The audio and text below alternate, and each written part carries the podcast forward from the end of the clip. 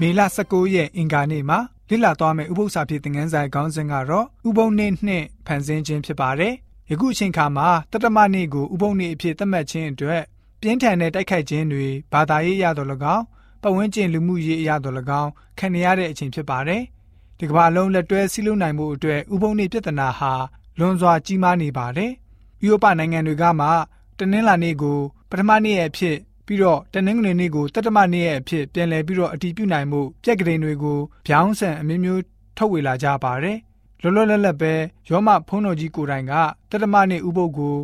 ယူဒလူမျိုးတွေအတွက်ဥပုပ်နေ့လို့ခေါ်ဆိုကြေညာပြီးတော့ကဘာတလွားနှွေးထွေးမှုရှိစေဖို့ကဘာအနားယူတဲ့ရက်ကိုစောက်ထင်းကြဖို့တိုက်တွန်းနေပါတယ်။ကပောက်ကျန်ခန်းကြီး2အငယ်1ကနေ3 ထမြောက်ကျန်ခန်းကြီး20ငွေ8ကနေ17ရှမာကုခရဝင်ခန်းကြီး2ငွေ29နဲ့ဗျာဒိကျန်ခန်းကြီး14ငွေ9ကိုဖတ်ပါမယ်။စတုထပြည့်ညတ်တော်နဲ့ဖန်ဆင်းခြင်းအပတ်ရဲ့ဆက်ဆက်ပုံကိုကျွန်တော်တို့အနေနဲ့ဘယ်လိုမျိုးနားလည်သလဲ။ကောင်းငင်တမန်သုံးပါးသတင်းစကားနဲ့ဘယ်လိုမျိုးပတ်သက်နေသလဲဆိုတာကိုကြည့်ကြပါစို့။ထို့သောကောင်းကင်မြေကြီးနှင့်တကွဖန်ဆင်းသောခတ်သိမ်းသောတစားတို့သည်ပြည်စည်းလျက်ရှိကြ၏တတမနေ့ရဲ့ရောက်လင်ဖျားသခင်သည်ဖန်ဆင်းသောအမှုကို လက်ဆက်သက်တော်မူခဲ့ပြီးသည်ဖြစ်၍ဖန်ဆင်းသမျှသောအမှုအရာတို့သည်ပြည်စည်းပြီးမှထိုတတမနေ့၌ငြင်းဝန်းစွာနေတော်မူ၏ထိုတတမနေ့ကိုဖျားသခင်သည်ကောင်းကြီးပေး၍တန်ရှင်းစေတော်မူ၏အကြောင်းမူကားဖန်ဆင်းပြပြင်တော်မူသောအမှုအရာအလုံးစုံတို့သည်ပြည်စည်းသောကြောင့်ထိုနေ့ရက်၌ငြင်းဝန်းစွာနေတော်မူ၏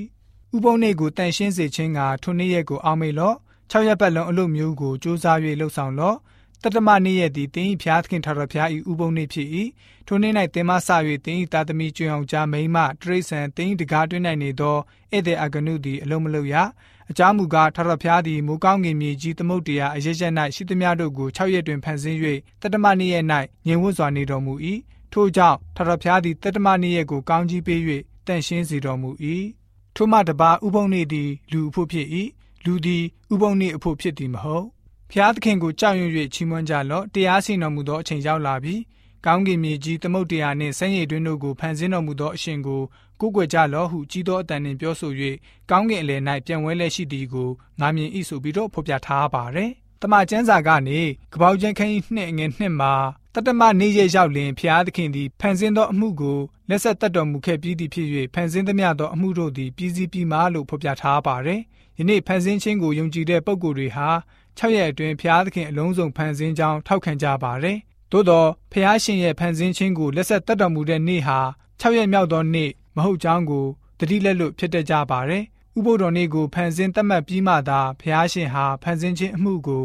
လက်ဆက်တက်တော်မူခြင်းဖြစ်ပါတယ်။ဒီတို့ကြောင့်ယေရှုရှင်မိတ်တော်မူတာကတော့ဥပုံနေ့ဟာလူအဖို့ဖြစ်တယ်လူဟာဥပုံနေ့အဖို့မဟုတ်ဘူးဆိုပြီးတော့ တွေ့ရပါတယ်။ယေရှုရှင်အဲ့လိုမျိုးပြတ်သားတဲ့စကားကိုပြောဆိုပိုင်ခွင့်ရှိတဲ့အကြောင်းကတော့ဥပုံနေ့ကိုကိုယ်တိုင်သတ်မှတ်ဖန်ဆင်းထားတဲ့အပြင်လူနဲ့ဖျားအကြားလက္ခဏာသက်သေအဖြစ်ထာဝရတည်ထားတဲ့အတွက်ကြောင့်ဖြစ်ပါတယ်။ဥပုံနေ့ဟာဟေပြဲလူတွေအတွက်သာမဟုတ်ဘဲနဲ့လူမျိုးအလုံးနဲ့သက်ဆိုင်ပါတယ်။ကမ္ဘာဦးကျမ်းမှာ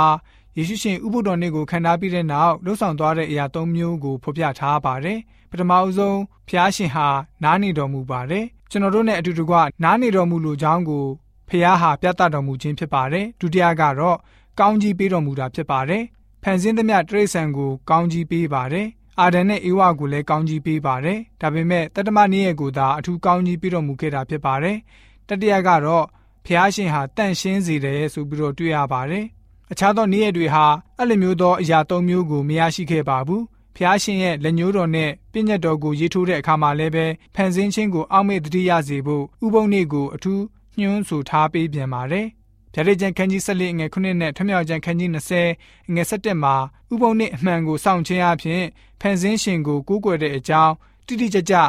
ရှင်းလင်းပြသပေးထားပါတယ်ဆိုပြီးတော့ဥပုံနေ့နဲ့ဖန်ဆင်းခြင်းအကြောင်းအရာတွေကိုသိရှိစေဖို့အတွက်အင်္ဂါနေ့ဥပုသ္စာပြေသင်ခန်းစာကဖော်ပြပေးထားပါတယ်။